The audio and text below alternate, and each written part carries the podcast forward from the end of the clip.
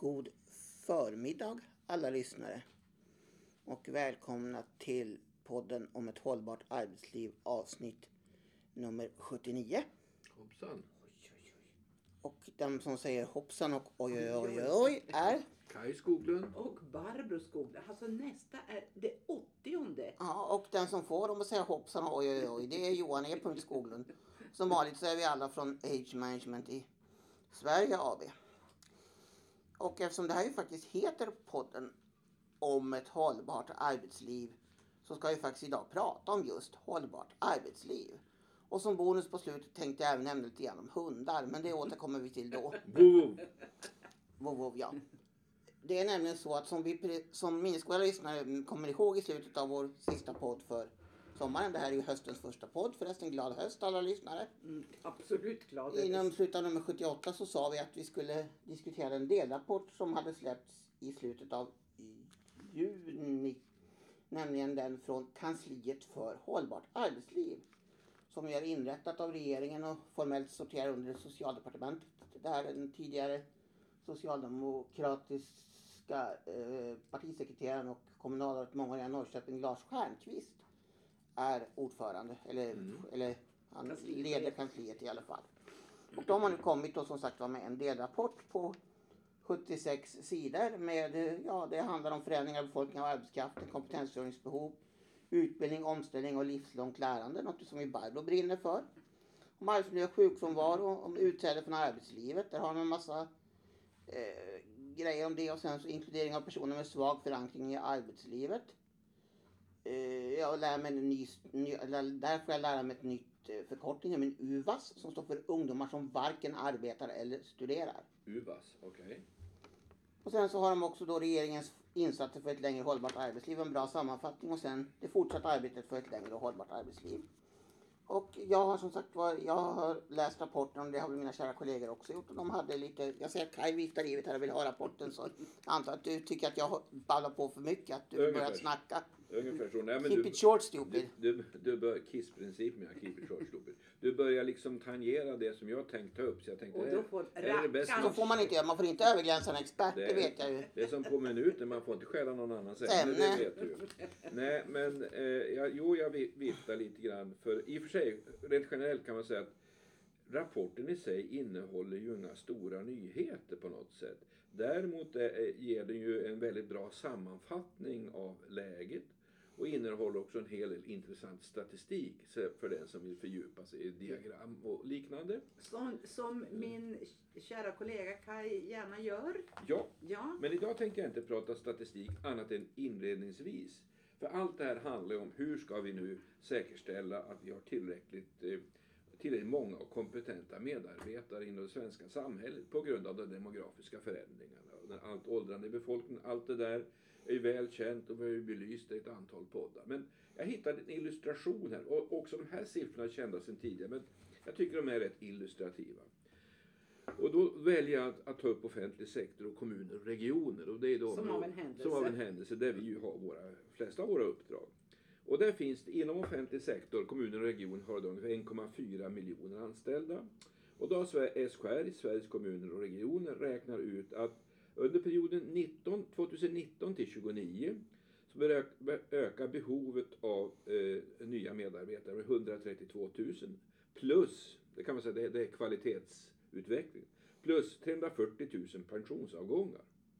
Och hälften av, av de här eh, personerna arbetar inom vård och omsorg i kommunerna.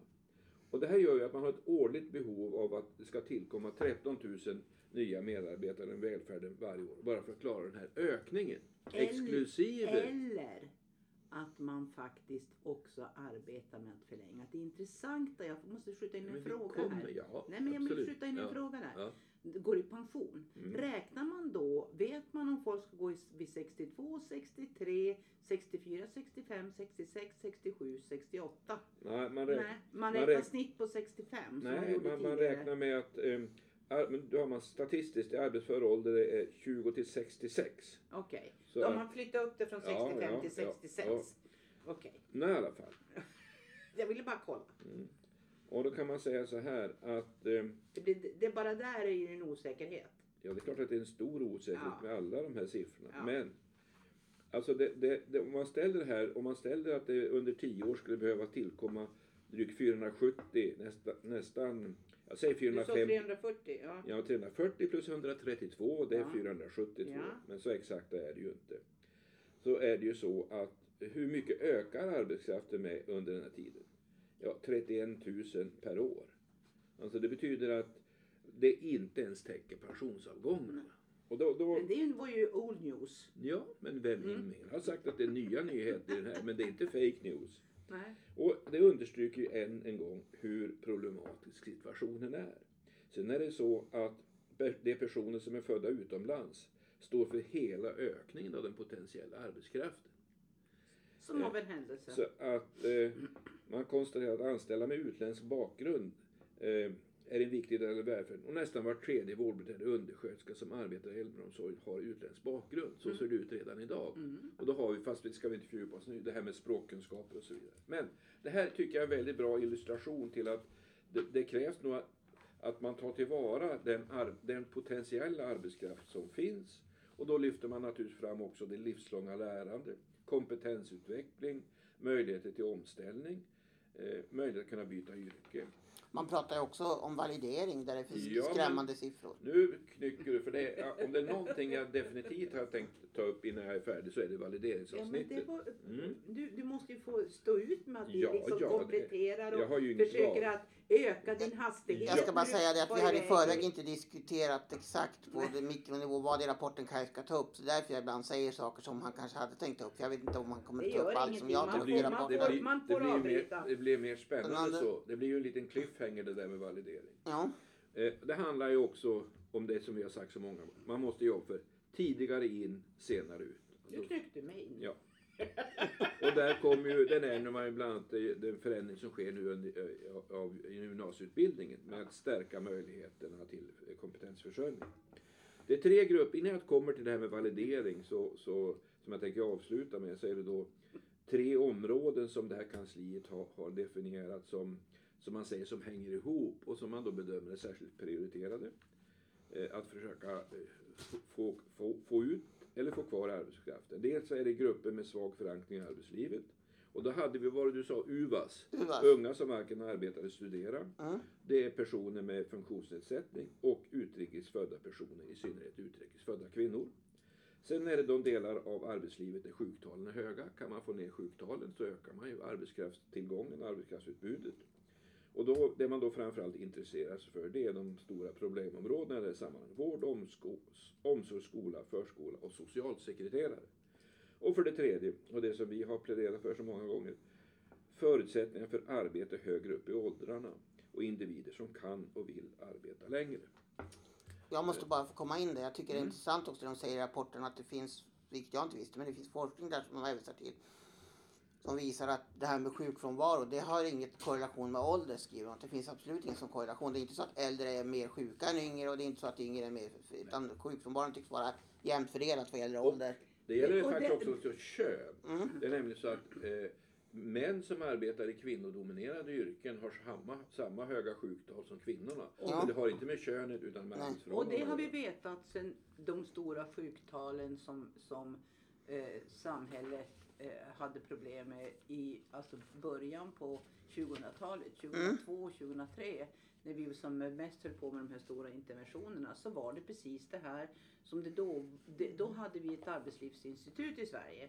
Och där, hade- där forskade man på vad var det som gjorde de höga sjuktalen. Man Mm. pratade om att det var, det var i kvinnodominerande yrken i vård så var det mest kvinnor och på Mm. industrisidan så var det mest män. Och då kom man fram till precis det här. Eh, De kvinnor som fanns i industrin hade exakt samma sjuktalsmönster som männen i industrin och vice versa. Män som kvinnorna i, om vi kallar det för, för omsorgssektorn. Vård och omsorgssektorn, vård, skola och omsorgssektorn. Det var bara det att de var så få i förhållande till när man tittar på de här stora statistikuppgifterna så försvann de i, i de här procentsatserna. Men när man när de grävde vidare på. Jag vill bara säga en sak som var intressant där. Man, man hade någon slags teori eller det fanns en slags ansats innan den här, den här forskningsrapporten eh, om att det var för att det hade varit så många omorganisationer i Mm. offentlig sektor som gjorde att Mm. sjuktalen var så höga. Eh, och det var om, om man pratar om dess, eh, vad ska jag säga, omorganisationens eh, skam. Om jag uttrycker mig kraftfullt. Eh, det visade sig när man, när man djuplodade det här och tittade vidare på detta så var det inte själva omorganisationen som sådan utan det var inför. Oron hos vissa personer, vad man är för sort, inför en omorganisation som man inte visste vad som skulle hända med mig i det här. Och, och det var ju en väldigt Jo. intressant Men då faktor. blir ju, en slutsats bli om man om, omorganiserar mindre så, så minskar oron. Eller, för eller så om- är slutsatsen det jag brukar ta upp i det Mm. sammanhanget. Att det är bra att informera, att hålla facken informerade, att hålla medarbetarna informerade. För när vi började som chefer för f- 50 år sedan, eh, knappt. Är vi så gamla? Ja, det är, ja, vi. det är vi. Är vi Mm. 70? Ja. Mm. Då diskuterades det på allvar när jag började som skolledare. När, en, när man skulle omorganisera, när skulle man eh, informera medarbetarna för att de inte skulle bli oroliga? Och här visar alltså då arbetslivsforskningen att det är precis tvärtom. De som inte blir oroliga, de bryr sig inte. De rycker på axlarna och spelar. Men de personer som har, har den, det personlighetsdraget att, att jag blir lätt orolig, vad ska hända med mig och så vidare. De behöver veta vad, vad förutsättningarna är. Och det här kan man väl konstatera att under alla dessa uppdrag som vi har gjort under de här år, år, senaste 22 åren som är kopplade till organisatorisk och social arbetsmiljö eh, och det har blivit Mm. sådana stora problem så att man kallar in oss bland annat. Då är det här en faktor. Mm. Det vill säga brist på information eh, u- un, före, under själva, före och under själva processen. Och, det, och det här kan man ju knyta till det man skriver om omställning. Ja, Jag kan precis. citera rapporten. Dagens arbetsliv präglas av globalisering, en snabb teknisk utveckling, automatisering och grön omställning. Nya yrken utvecklas och i redan befintliga yrken förändras arbetsinnehåll och det medför förändrade kompetenskrav. Exakt. Oavsett om det här yttrar sig i omorganisation eller annat så Nej. visar det tydligt på, Ja. på hur arbetslivet håller på att utvecklas. Ja. Men nu tänkte jag gå till validering för att avsluta. Mellan 2015 och 2019 hade vi en valideringsdelegation i det här Mm. landet som skulle stimulera möjligheterna, intresset för och möjligheterna till validering. Eh, och man säger att validering som är ett verktyg för att kartlägga och bekräfta kompetens som förbättrar förutsättningarna för både strategisk kompetensförsörjning och karriärutveckling.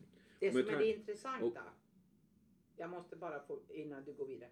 Validering bryter mönstret att du sitter på skolbänken för att lära dig Ja. någonting inför det kommande. Validering betyder att du prövar kunskaper som du har fått på annat sätt än att gå i en utbildning. Och här ligger vi väldigt illa till. Ja, Och det, det, det, här This är, det, is- det här är egentligen det jag tycker var mest ja. intressant för mig att få siffror på det här. Då skriver man så här. Det genomförs få, förhållandevis få valideringar inom komvux. Enligt delegationen var då 2017 bara 0,6 procent av eleverna i komvux som genomgick validering. Även om statistiken vad avser validering i och för sig osäker. Det säger ju inte så mycket, men då kommer jämförelsen med våra nordiska grannländer. Mm. Och det är då man blir liksom lite bekymrad. Minst sagt. Eh, Valideringsdelegationen visar att i Norge har mellan 23 och 29 procent av eleverna inom gymna- gymnasial vuxenutbildning genomgått valider- validering sedan 2010. 88 procent utbildningssamordnare inom yrkesutbildning i Danmark svarar för att de genomför val- validering.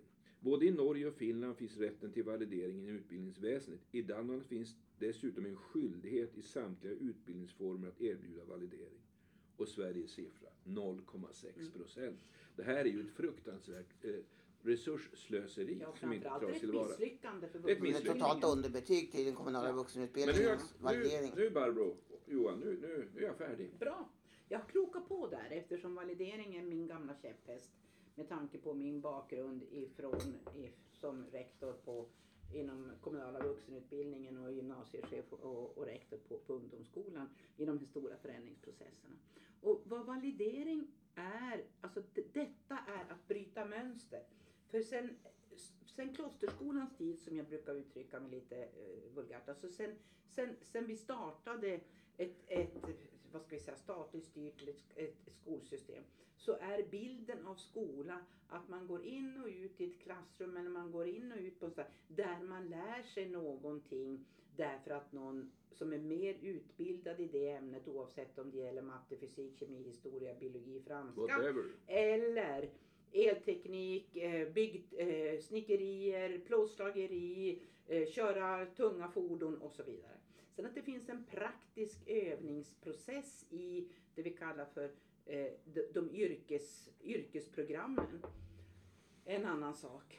Eh, men denna, eh, vad ska vi säga, föreställning att du bara lär dig saker och ting är när du sitter i en utbildningssituation, den lever kvar. Mm. Den dog, Tydligen den, väldigt, väldigt den dog med reformen, den nya gymnasiereformen, då man skrev in i att man skulle ta hänsyn till den kunskap som eleven har lärt sig på annat sätt än i ut, alltså utbildningssituationen. Och det är att bryta mönster från det gamla femgradiga, då närvaron gav betyg. Mhm. Jag hade en, en lärare som...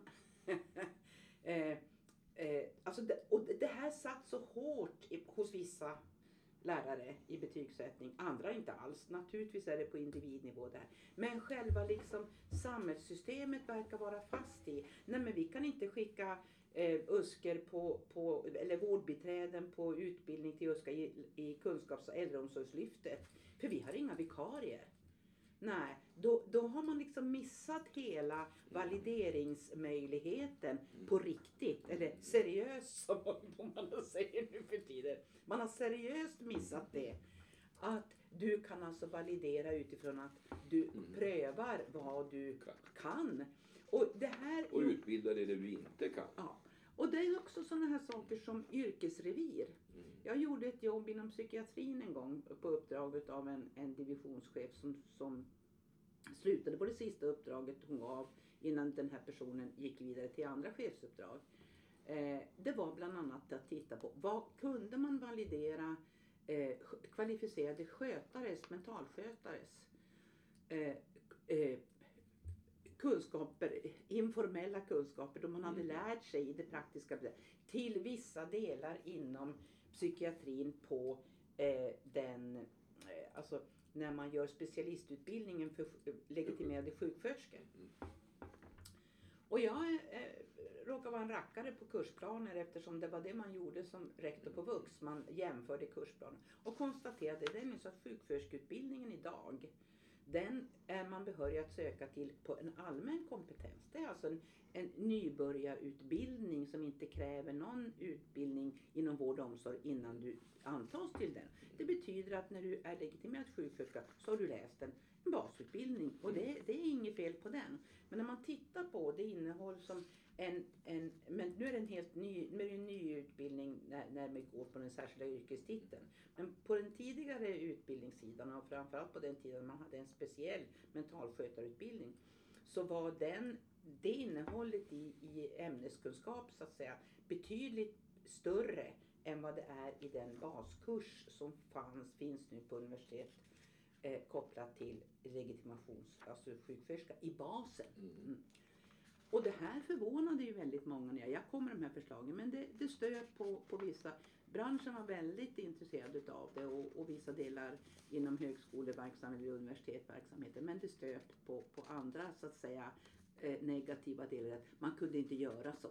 Man kunde inte eh, man, alltså värderingar egentligen. Om att det var inte okej att värdera både praktiskt och teoretiskt Mm. en kvalificerad eh, USKA inom mentalvården. Kan man säga det, Barbara, att det är egentligen attityder och värderingar Ja. som bromsar? Ja.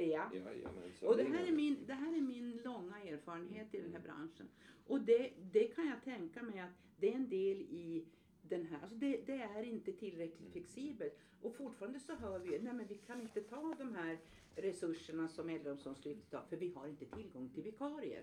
Och då, för det innebär att ska, då ska man skicka en, en, ett vårdbiträde på kurs i, ett, i en termin eller två terminer eller, tre terminer. Och då ska det vara någon som vikarierar för henne. Att, hit, att hitta andra flexibla lösningar där man till exempel validerar en stor del. Där man till exempel behöver läsa in vissa delar med Det hjälp av betyder det ju här. också att gör du det kan du få en betydligt större volym på de här Ja men utbildningarna. absolut.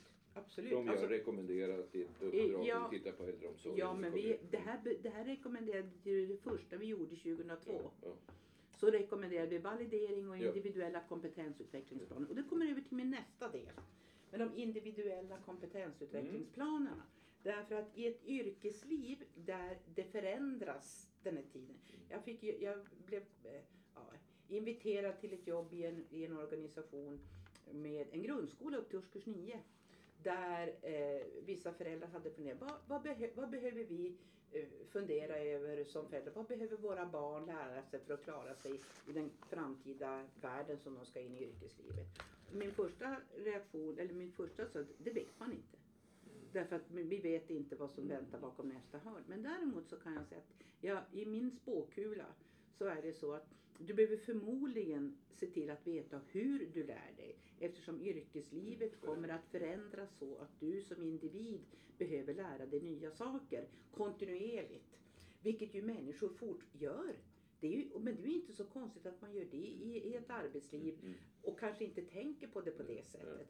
Alltså det är klart att det utvecklas inom, eh, jobbar du inom äldreomsorgen, inom hälso och sjukvård, inom utbildning, inom, inom byggbranschen, inom eh, transport och så vidare. Det händer hela... Ja, det är väl, ursäkta, får jag komma in? Ja visst, då ja. Ja, det handlar inte bara om det. Jag hörde också en intressant eh, tankar för dagen här i P1 här om sistens Mm. med den gamle Rysslandskännaren och utrikeskorrespondenten Stig Fredriksson som Ja. berättade om en 90-årig cellist som Mm. övade varje dag. Då fick han frågan varför övar du fortfarande? För att jag tycker att jag blir bättre varje dag, sa han. Just det. Han kände inte att han var, han kände inte att han var fullärd. Han kände att, ja, men om jag, spe, jag känner att jag blir bättre på att spela cello när jag spelar varje dag. Och då tänkte du så här, tänk om jag hade fortsatt som cellist. Nej, det tänkte jag inte. Men jag tänkte att, nej, det var bara på tal om det här om att man, att man, att man ständigt kan lära sig nytt. Det var så Ja, jag ville Och, komma in. och det, är det, här, det är det här som är en del i den här nyfikenhetsdelen och den här vikten av att, det, som vi så många gånger säger, det är ingen idé att lära de gamla hundarna att sitta. Jo, Jo,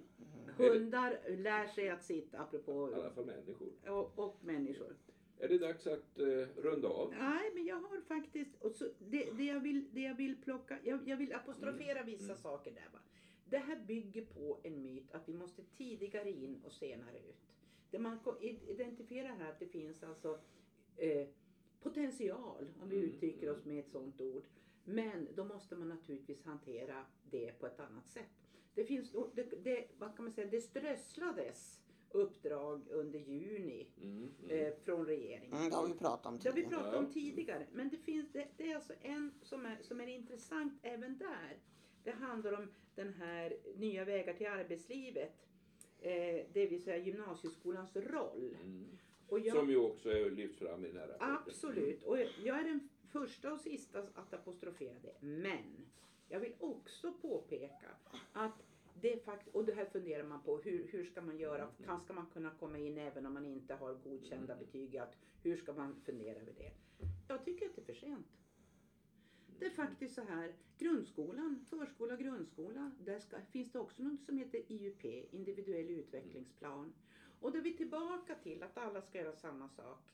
Det är med att eh, hur, hur säkrar man att eh, eh, elevers möjlighet att göra individuell, att få en individuell utvecklingsplan mot de målbilder som finns i de här nationella proven och så vidare. Och så vidare. Det är väldigt mycket kvart över tolv eller någonting sånt att börja diskutera det här i slutet på högstadiet. Mm.